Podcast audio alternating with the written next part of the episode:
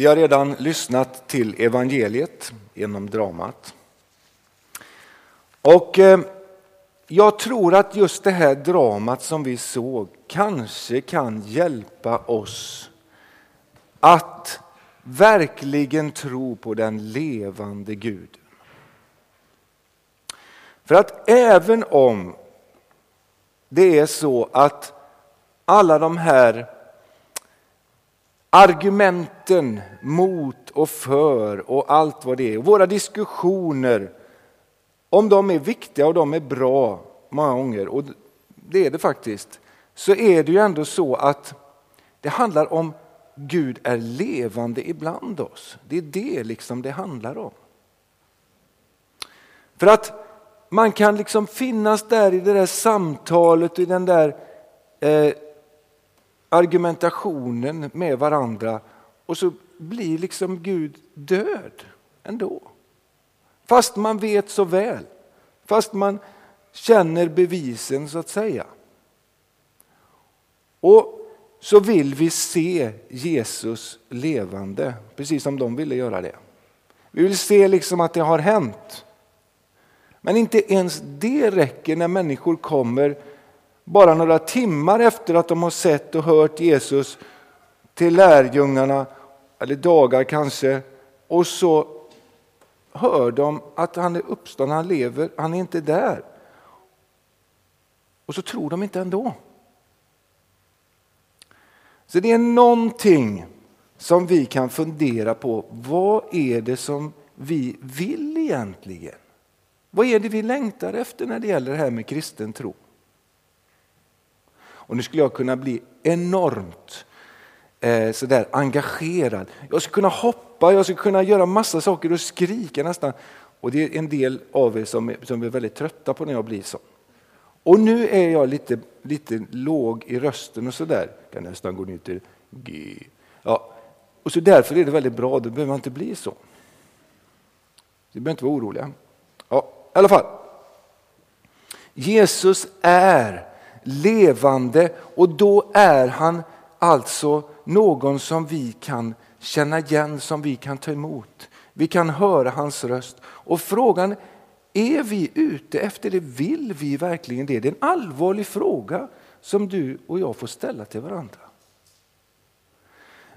Det som var början av evangeliet, det hörde vi också på natten och vi, vi, vi sa någonting om det. Jag ska bara säga något kort först där. Jag ska inte säga så mycket överhuvudtaget, för vi har sett och vi förstår nog. Men det som var då, det var ju det att man kom till graven tidigt på morgonen och man ville få den stenen undanrullad så att man kunde gå in med blommor och så till Jesus. Och den där stenen den hindrar oss ofta. Stenhjärtat vi är som döda i oss och vi kanske också tycker att det är okej okay när det gäller vår tro. Och sen så är vi också förskräckta, precis som de var. Och det hindrar oss också. Vi är rädda för att ta ut svängarna på allvar när det gäller tron på den levande Jesus. Och så går Jesus då till Galileen. Bort ifrån centrum, det stora, det mäktiga och bland de fattiga, bland de utstötta. Där som han också liksom känner sig hemma, där visar han sig. Och Det här blir ju då en hjälp för oss att förstå hur vi ska kunna verkligen tro på den levande. För det första så måste vi gå dit där han är. Vi kan alltså inte möta honom bara i argumentationen och diskussionerna. Utan vi behöver möta honom i det, i där han uppenbarar sig naturligtvis. Och han uppenbarar sig i bibelordet, han uppenbarar sig i dopet, han uppenbarar sig i nattvarden, absolut. Men också det kan ju faktiskt bli dött om det inte är fyllt av ande och liv.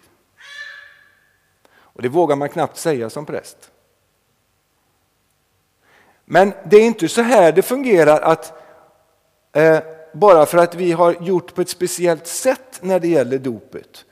Om det är Urban är lite extra glad eller så idag eller någonting. Att vi har, eller vi har läst de rätta orden. Så det är inte det det handlar om utan det handlar ju naturligtvis om att den helige ande fyller detta med liv. Det vill säga att Gud är närvarande där. Och vid nattvarden så handlar det om att den helige ande får också fylla detta med Kristus så att Kristus blir levande genom brödet och vinet som vi äter och tar emot.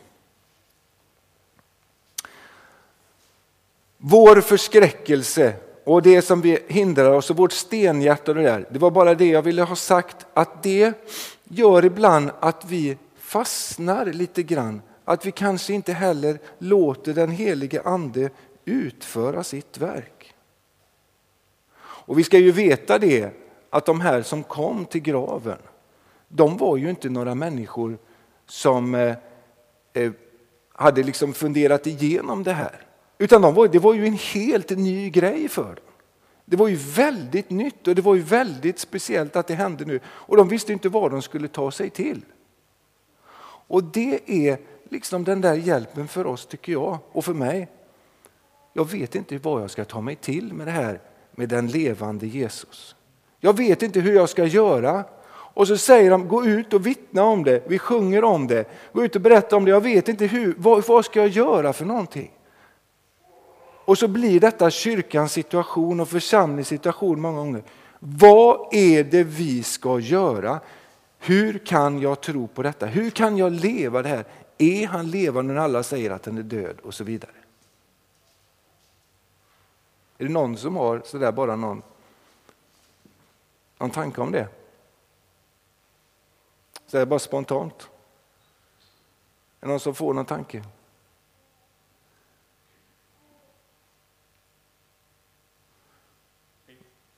Va? Vi ska be, ja. kan vi alltid göra och det, det bör vi göra verkligen. Nu vill jag bara nämna tre personer här, de tre sista. Och det är ju väldigt mycket av kvinnor. Men det är också män som får vara med och det är skönt. Men den, förutom de som kom till graven så var det Maria från Magdala som Jesus hade drivit ut demoner ifrån. Och det är ju intressant att hon är bland de första. En som alltså har blivit fullkomligt förvandlad av Jesus. Hon har tagit emot honom men hon har så att säga blivit levande för jag tror att om man är fylld av demoner då är man väldigt begränsad och då är man kanske, ska man kunna kalla nästan död i alla fall för Gud. För det är någon annan som regerar i en. Och hon har alltså blivit fullkomligt förvandlad. Hon har, hon har tillhört de utsatta människorna som Jesus har mött. Hon har blivit räddad av Jesus. Hon är också ensam i sitt möte med honom. Men det är hon som Jesus kommer till. Och det glömmer vi lätt bort att Jesus kommer alltså i vår utsatthet. Han kommer för att rädda oss. Det är så han visar att han blir levande och han kommer till oss när vi är lite ensamma många gånger. När vi skalar bort allt det där andra så att bara han kan få bli levande för oss. Och så har vi de där två på landet, ute på landet någonstans. Emmaus är berättelsen antagligen som vi hör om i Lukas evangeliet. Och detta är ju, där visar ju sig Jesus vid brödsbrytelsen, alltså vid nattvardsbordet. Det har vi sagt här, att han kommer att vara här, han är levande här. Och så för de elva sen också. Och där är det de som han har utvalt. Och där får nog du och jag känna igen mig. Och jag tror att det är en nyckel till att vi ska kunna vara med den levande Herren. Att vi vet om att vi är utvalda för att vara det. För det var ju verkligen inte så att de kunde det här i sig själva. Men församlingen är utvald för att vara det. Och när vi då verkligen tror, när vi verkligen lever att han är levande, när vi tror att han kan visa sig i de här sammanhangen, men också och framför allt i vår vardag och i sammanhangen där vi, där vi finns. Då så eh, kommer han att visa sig, om vi tror att han kommer att göra det. De trodde ju inte på vittnena och de trodde inte på förkunnelsen, det som de hörde. Och Jesus han, han eh, är lite hård mot dem där. Jag vet inte om ni hörde det.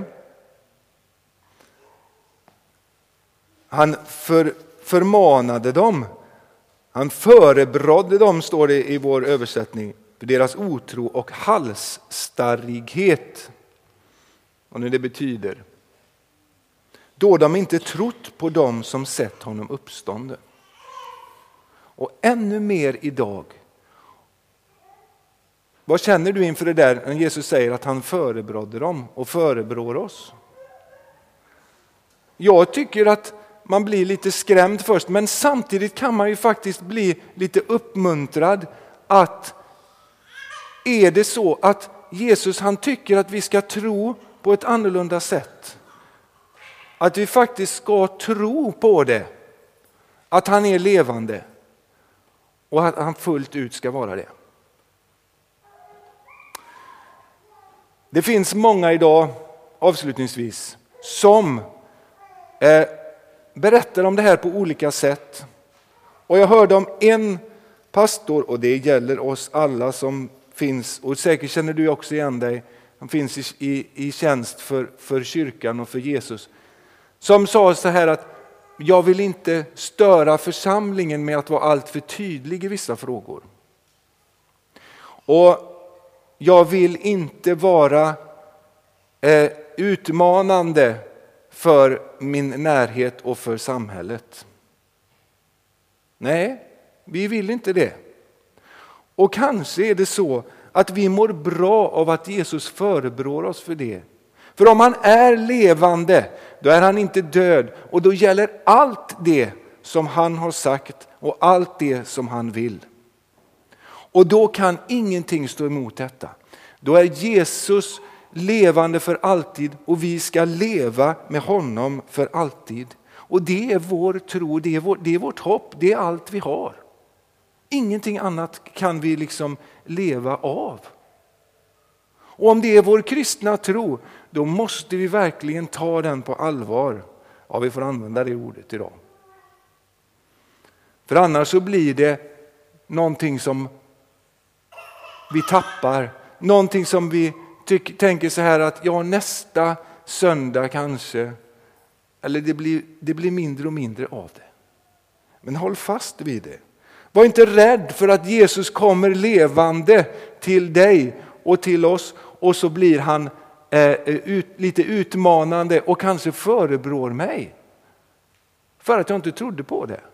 Men det är ju för att dra mig ut ifrån min egen och alla möjliga konstiga återvändsgränder som vi hamnar i när vi inte tror att Jesus är levande mitt ibland oss. Sen kommer allt det där som Jesus gör när han är levande. Men det kommer senare nu under påsktiden och det ska vi ta vara på. Och jag kan passa på att säga till församlingen att vi har kommit överens om efter önskemål från visionsdagen vi hade att på onsdagskvällarna så kommer vi framöver här till pingst att ha evangelisationsträning och undervisning om det. Så välkomna också på onsdagarna så att vi kan göra den levande, levande för allt fler. Ära vare Fadern och Sonen och den helige Ande. Nu och alltid och i evigheters evighet. Amen.